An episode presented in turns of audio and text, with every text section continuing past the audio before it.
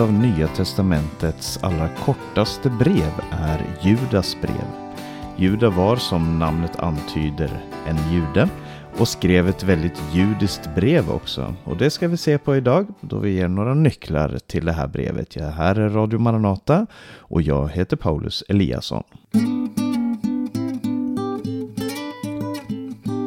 Judas brev, det är det näst sista brevet i Nya Testamentet om du har vår vanliga standardindelning av Nya Testamentet. Och det är placerat mellan tredje Johannesbrev och Uppenbarelseboken. Och det kan vara lite svårt att hitta även fast det ligger ganska bra placerat där i slutet därför att det är så kort brev. Det är bara ett kapitel eh, med 25 verser och det tar bara någon minut att läsa igenom det. Och mm, vanligtvis så säger jag att du borde ta dig tid att läsa igenom det här brevet och det kan du absolut göra. Men jag kommer faktiskt i det här programmet läsa hela eh, Judas brev i vårt bibelstudium där vi ger några nycklar till det här brevet. Ehm, och Judas, vem var han? Han presenterar sig i det här brevet som Jesu Kristi tjänare och Jakobs bror. Och Jakob, om honom vet vi att han var en halvbror till Jesus och eh, att han hade flera bröder också, bland annat en som hette Judas och därför så är det väldigt lätt att identifiera författaren till det här. Det är nämligen då Jesu halvbror och Judas, eh, Jakobs helbror som hette Judas. Och de var ju av Judas stam också allihop. Eh, och han är en av Jesu halvbröder och när man läser om Jesu bröder i eh, evangelierna så nämns inte, Judas nämns i namn men det nämns inte någonting speciellt som han gjorde eller sa personligen. Men det nämns ofta om Jesu bröder Eh, ofta ska vi kanske inte säga några gånger som nämns Jesu bröder. Och det nämns bland annat att de inte trodde på honom. Varken Jakob, Judas eller någon av de andra bröderna trodde att Jesus var den han sa sig vara. Eh, men det verkar eh, som väldigt tydligt ifrån skriftens, skriften, även om det inte nämns konkret, så verkar det väldigt tydligt att det här var människor som kom till tro efter Jesu uppståndelse. De såg Jesus uppstånden och då kom de till tro på honom och trodde att han var eh, Herre och Messias. Och Judas tillsammans med Jakob och, och, de, och apostlarna, de lärjungarna som följde Jesus, blev tidiga ledare i den kristna församlingen. Eh, det här är, det här brevet är lite svårt att tidfästa när man tänker på när skrevs det här. Det nämns falska lärare som man kan ju tänka sig att det borde ha tagit i alla fall en viss tid innan eh, den kristna församlingen började få sådana problem. Eh, antagligen så har den spritt sig runt omkring men, eh, men det, det finns inga tydliga tidsmarkörer i den här texten. Men man har placerat det någon gång mellan år 60 och år 80 brukar vara eh, då man placerar Judas brev. Och eh, det här brevet är placerat bland de som ibland kallas för de katolska breven eller de allmänna breven. Det är ju det som katolska betyder, en allmän. Ehm, eh, och Alltså brev som då inte har en specificerad mottagare. Och det har inte Judas brev. Det står inte till församlingen i Efesus eller Jerusalem eller var det nu kan ha varit. Men eh, det är till en speciell församling. Flera av de andra breven verkar som att de har mer karaktär av att vara rundskrivelser, sånt som man kunde skriva till eh, flera församlingar. Eh, Jakobs brev och Petrus brev och så vidare. Men det verkar som att eh, eh, Judas skriver till en specifik församling i en specifik situation. Och eh, på grund av sättet som han skriver på, temana som han tar upp, så verkar det som att det här är en eh, församling som har eh, en väldigt judisk förankring. Antagligen då en, eh, en församling i Israel, i det området där eh, runt, eh, ja, eh, där det levde många judar. Att det är en församling som är predominant eh, judisk. Eh, därför att han nämner så många olika händelser från den judiska historien. Inte bara sånt som står om i Bibeln, men också sånt som står om i andra populära judiska skrifter. Och vi ska komma tillbaka till det. Men eh, det här är då antagligen en ung församling som Judas ville skriva till. Först så hade han tänkt att han skulle skriva till dem, som han sa, om vår gemensamma frälsning. Han säger det i brevet, jag hade tänkt att skriva till er om vår gemensamma frälsning, men så var jag tvungen att skriva det här brevet som ett väldigt kort brev, eh, ett väldigt intensivt brev där varje vers är väldigt laddat med, med information och, och med hans eh, eh, uppmaning till den här församlingen. Och man skulle kunna säga att det här brevet är ju skrivet då som en epistel, som ett brev. Eh, i, det är i den genren. Men det är väldigt mycket bär prägel av att vara en slags predikan eller en appell. Eh, där han går igenom de här frågorna på ett väldigt bibliskt sätt. Eh, de problemen som han hade i församlingen där går han igenom på ett väldigt bibliskt sätt och, och refererar till och stöder det han, eh, det han förkunnar i Bibeln och historien. Och tematiken i det här brevet, varför skrev han det här? Jo, därför att det i den här församlingen, den här judiska församlingen då, eh, hade uppstått vissa lärare, vissa falska lärare. Och när man tänker falska lärare så kanske man framförallt tänker falsk lära, att de kommer med falsk lära. Men här så är det två saker som går hand i hand i det här brevet och hos de här som Judas skriver mot. Då. Och det är att eh, de lärarna eh, undervisade att Jesus inte var deras herre. De, hade, de var sina egna gudar och det gjorde att de kunde använda nåden till att göra precis vad de ville. Och det de ville göra var att följa sina egna lustar. Och därför så är det här brevet en varning för de falska lärarna och det är en maning till de som är, de kallas för de älskade att stå fast i den tron de har fått. Nu ska vi se på texten.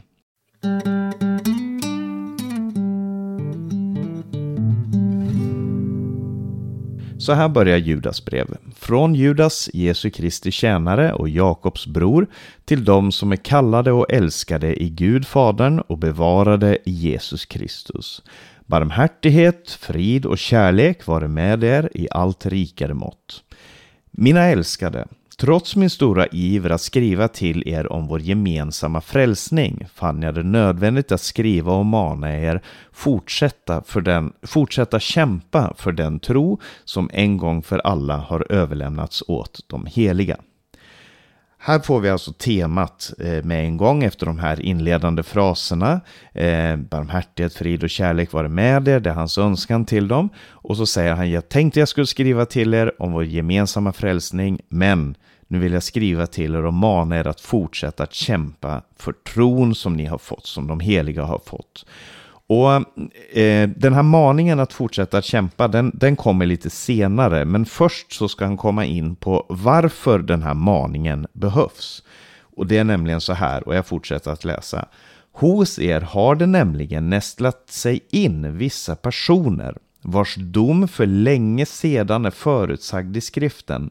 De är gudlösa, de förvränger vår Guds nåd till försvar för omoral och förnekar vår enda härskare och Herre Jesus Kristus. Så det är inte framför allt eh, en falsk lära, även om det, det hör inne här. Alltså den falska läran som de, de gör, har är att de använder nåden och så säger de att nåden som vi har fått av Gud, den gör att vi får göra vad vi vill. Eh, och de förkunnar också att Eh, Jesus är inte härskaren och herren. På grekiska så används ordet despotos som vi har i despot, men det har inte riktigt samma betydelse på grekiska, eh, den grekiskan som de använder då, utan eh, härskaren, det var, det var den som var, som var enväldig härskare som var utvald eller, eller som var insatt för att vara den enda härskaren. Och det är det han säger vi har en härskare och det är inte oss själva. Det är det som är poängen här.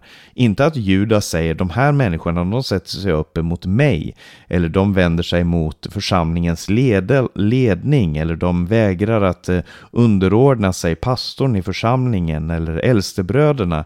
Utan det de förnekar, det är att Jesus Kristus är deras härskare och herre. Och så säger han, de är gudlösa. Eh, det betyder att Gud betyder ingenting för dem. För människor som är gudfruktiga, som är motsatsordet till det här, så, så betyder Gud allt. Han, han, eh, det att man tror på Gud förändrar hur man lever i, det här, i den här världen. Då är man gudfruktig. Men om man är gudlös så betyder Gud ingenting. Han gör ingen skillnad i en människas liv. Och så förvränger de nåden då och använder budskapet om nåd för att leva efter sina lustar. Alltså de har sina lustar. Det verkar framförallt som att det handlar om sexuell omoral som de då försvarar genom att säga nej men vi har nåden. Gud har gett oss nåd, vi kan leva precis hur vi vill det kanske låter bekant. Det finns en del kristna som uppför sig som att eh, nåden eh, gör saker och ting tillåtet. Att eh, ja, men vi har Guds nåd och därför så kan vi göra så här och så här. Och vi, vi bara litar på nåden och så, och så lever vi som våra egna härskare. Så de förnekar vår enda härskare och herre och det betyder att de gör sig själva till gudar. Och sen kommer det intressanta här, för att sättet som han då går emot de här falska lärarna, för att visa eh, hur skriften eh, har eh, specificerat att de kommer dömas, så går han igenom dels händelser som vi möter framförallt i Moseböckerna, Eh, men sen också händelser som finns i andra kända judiska skrifter på den här tiden som är mycket nyare, nyare skrifter än de som eh, vi finner i Bibeln. Och det börjar så här. Eh, Även om ni redan känner till allt vill jag påminna er om hur Herren först frälste sitt folk ur Egypten och sen dödade dem som inte trodde. Det här är ju berättelsen då i Eh, kanske framförallt fjärde Mosebok, men andra till femte Mosebok handlar ju om tiden i öknen och, och, allt som skedde där. Och i andra Mosebok så läser vi om hur folket fördes ut ur Egypten. Men i fjärde Mosebok framförallt så möter vi hur det händer olika saker med Israels folk, de som hade kommit ut ur Egypten, men som inte trodde, de som var otrogna mot Gud, de som vände sig bort ifrån Gud och hur de människorna inte fick komma in i löfteslandet och inte fick ta del av arvet. Eh, och, och, poängen som, som Judas vill föra fram här, det är att ja, de gick ut, men inte alla tog del av det som Gud hade tänkt och på precis samma sätt så är det så att bara för att man är ibland Guds folk så betyder inte det att man är en del av de som tillhör Gud. Så de här falska lärarna kanske sa att ja vadå, vi tror på Gud, vi, vi är med här i församlingen och då kan inte ni döma oss för att vi gör och lever som vi önskar att göra och leva. Men eh, aposteln säger, eller Judas säger, att eh, eh, den här berättelsen från Gamla Testamentet visar att så inte är fallet. Och så kommer det här, och de änglar som inte höll fast vid sin höga ställning utan övergav sin rätta hemvist, de håller han i förvar i mörker med eviga bojor till den stora dagens dom. Och så kan vi börja leta i Bibeln. Var står det här om att de änglar som inte höll fast vid sin höga ställning övergav sin rätta hemvist, att de hålls i förvar med eviga bojor till den stora dagens dom. Var står det någonstans? Alltså jag förstår bilden för att det, det handlar ju om då de här falska lärarna som inte accepterar Gud som härskare. De har övergett den plan som Gud har för dem och därför så förvaras de till dom. Men var står det i Bibeln om det här? Och vi kan gå till första Mosebok eh, i början där eh, innan floden och läsa om Guds söner som gick in till människornas barn. Eh, och och eh, saken är den att det finns en så kallad apokryfisk skrift eh, som heter Enoks bok. Eh, första Enoks bok som skrevs i mellantestamentlig tid, alltså mellan eh, sista boken i Gamla Testamentet och första i Nya Testamentet, så skrevs det en bok som om, eh, som är en slags studium på, på ett berättande sätt i, av de första kapitlen i Första Mosebok. Där det fylls i en hel del detaljer som då den här författaren har tänkt tänker runt omkring. Vad betyder det här? Vad betyder det här? Och så skapar han en berättelse där Enok som nämns då i, i eh, Adams släkttavla så nämns Enok och så har den här författaren då långt senare skrivit en berättelse om eh, Enok och, och hans liv och uppenbarelser som han fick. Eh, som inte är en del av skriften, men som är reflektioner över de här texterna. Och där står det specificerat mycket mer och där berättas det bland annat om de här änglarna som då hålls i förvar i mörkret fram till domen. Och jag ska komma tillbaka till det där, men, men vi bara konstaterar det än så länge att eh, han använder den här bilden. Och så säger han, så är det också med Sodom och Gomorra Eh, och städerna däromkring som på samma sätt kastade sig ut i sexuell omoral och följde onaturliga eh, begär. De står som ett varnande exempel och får sin straff i evig eld. Ändå skändar dessa drömmare på samma sätt sin, sin kropp. De föraktar Herren och hånar högre makter. Så här nämner han då omoralen i Sodom och Gomorra som vi kan läsa om i eh, eh första Mosebok, i början där, när det talas om Abraham och Lot och Sodom och Gomorra och vad som hände där när eh, de här änglarna kom till staden och man krävde att de skulle föras ut för att de skulle våldtas och, och skändas.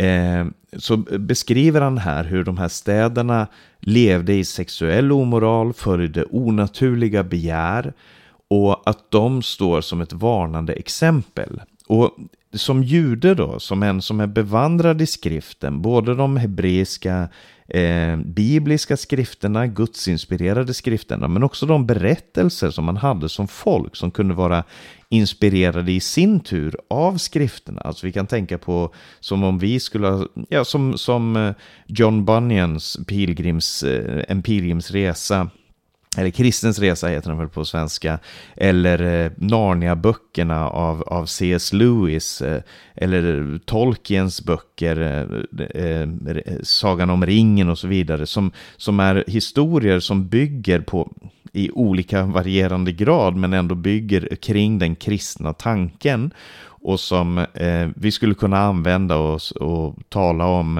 eh, de här karaktärerna i de böckerna, även fast vi inte tror att de kanske finns eller har funnits, så berättar de ändå på sitt sätt om eh, om den erfarenhet som vi gör i Jesus eller om viktiga saker som vi kan lära oss om Gud. Och eh, men här berättar han om, om Sodom och Gomorra och säger att på samma sätt som de, som det står om i Bibeln då, eh, kastades ut i sexuell omoral, så, så använder de här människorna, de falska lärarna, använder sina kroppar och skändar sina kroppar, använder det för det orena. Eh, de föraktar Herren, de hånar högre makter. Och så ska han säga någonting mer om det här med de högre makterna. För han säger, men när ärkeängeln Mikael tvistade med djävulen om Mose kropp, då vågade han inte uttala någon hånfull dom över honom, utan sade, må Herren straffa dig. Och Det här är också sånt som du inte hittar i Bibeln. Det här eh, är en berättelse som är hämtad ifrån en bok som kallas för Mose testamente eller Moses himmelsfärd. Eh, och det är en judisk skrift som skrevs runt år 0, alltså runt Jesu födelse, där någonstans, strax innan Jesu födelse. Eh, eh och det är en slags utbyggnad kring det som händer i femte Mosebok då, då Mose dör och man sen inte hittar hans kropp. Vad hände med den kroppen? Och det beskrivs då på, i den här boken hos den här författaren. Och i den berättelsen så är det en strid mellan Mikael, ärkeängeln, och djävulen.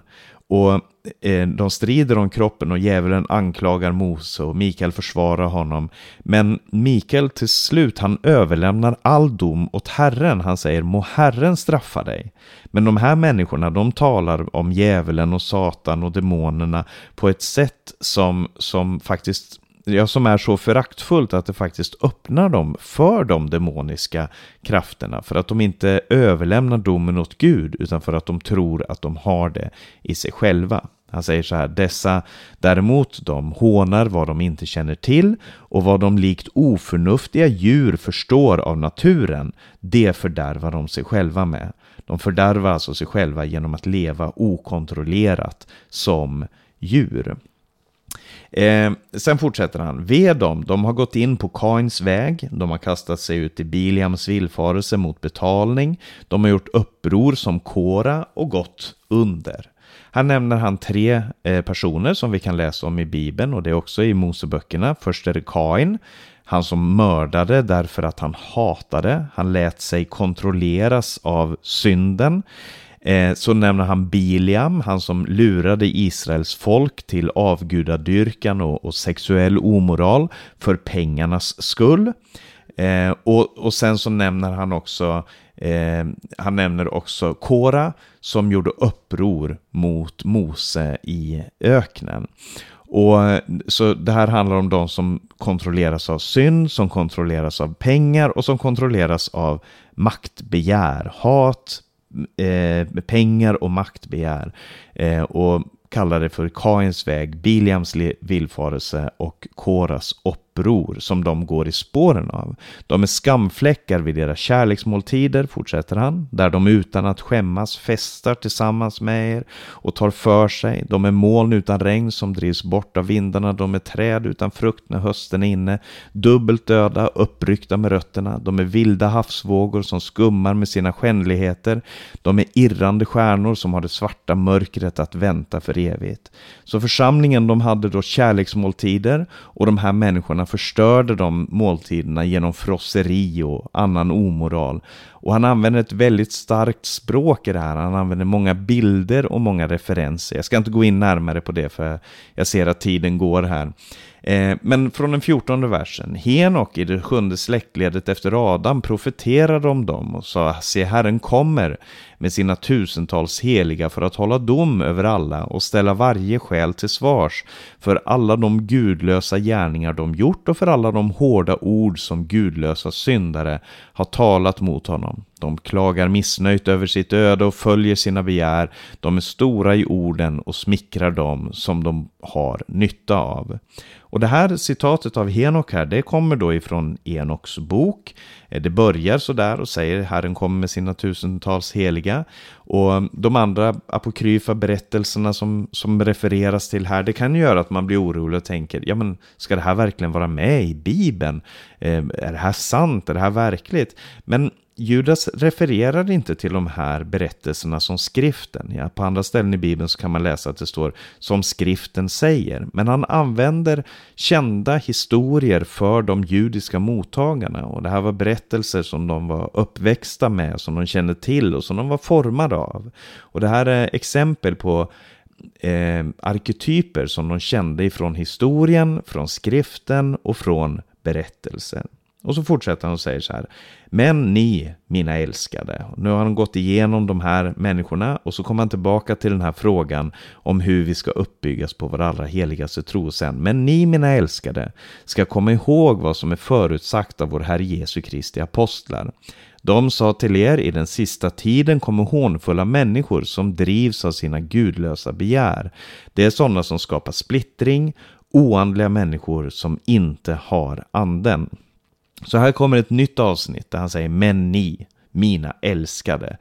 Eh, hur ska vi då kämpa för den här tron? Alltså varför ska vi kämpa för tron? Jo, för att det finns så många motståndare som förstör här i församlingen, som lever efter sin sexuella omoral, som bara går efter pengarna eh, och som, som hånar högerkrafter och så vidare. Och sen kom ihåg att det här är förutsagt av Jesu Kristi apostlar. Alltså apostlarna som hade hört det från Jesus, de hade också fört det här vidare till eh, församlingen.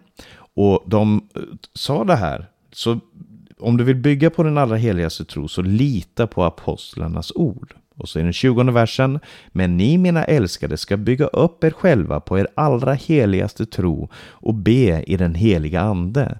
Så församlingen beskrivs här som ett byggverk där man inte låter de här krafterna eh, kontrollera en utan man bygger och man ber. Och så fortsätter de och säger håll er kvar i Guds kärlek medan ni väntar på att vår Herre Jesus Kristus i sin barmhärtighet ska ge er evigt liv.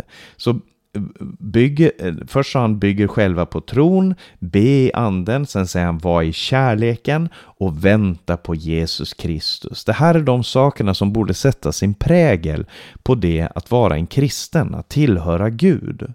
Och, men hur ska man behandla då de människorna som är runt omkring, de som eh, blir på ett sätt eh, på ett sätt, eh, eh, vad ska jag säga, de, de förstör de som, de som blir förstörda av det här. Jo, han säger, mot de som tvivlar ska ni vara barmhärtiga.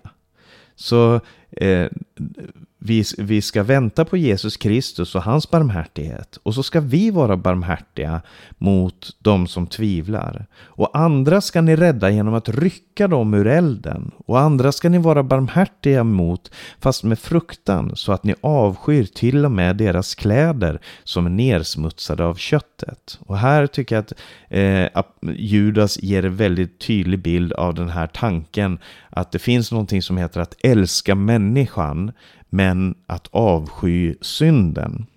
Alltså var barmhärtiga mot de här människorna. Det är, det är den djupaste formen av, av kärlek, av innerlighet, av äkta äkta känd, alltså en verklig känsla av medlidande med de människorna samtidigt som man gör det med fruktan för synden för att man inte tror att man själv kommer klara sig så mycket bättre om man, om man skulle vara i den situationen eller att man själv skulle ha någonting att ställa upp emot synden utan i kärlek, i tro, i bön, i barmhärtighet så formar man sitt liv och håller sig borta ifrån de här galenskaperna som vissa människor sysslar med i sin sexuella omoral, i sin, i sin motvilja emot Gud, i sin motvilja mot församlingen som styrs som djur av sina egna begär. Och så säger han, med han som har makt att bevara er från fall och föra fram er fläckfria och jublande inför sig i härlighet. Den ende guden, vår frälsare genom Jesus Kristus, vår Herre. Honom tillhör ära, majestät, välde och makt för alltid, nu och i all evighet. Amen.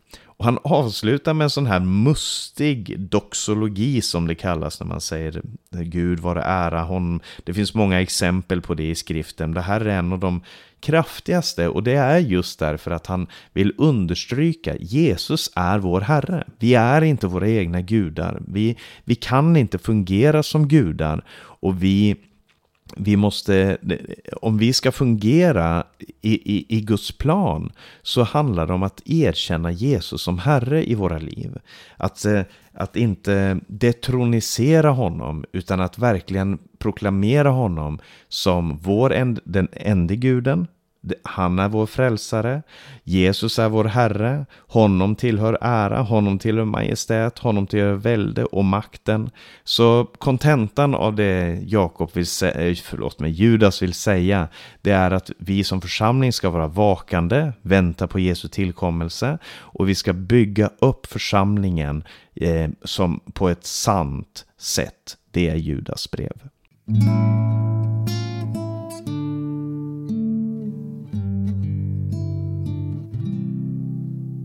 Jag tänkte att vi ska lyssna på en sång som jag har haft sjungande i mig de eh, sista veckorna här tror jag det är. Och det är eh, bara en kör, Golgata källa flödar. Och eh, du ska lyssna på den. Jag ska bara nämna att du har lyssnat på Maranata Podcast. Jag heter Paulus Eliasson. Vi sänder det här programmet över Stockholm och Örebro närradio.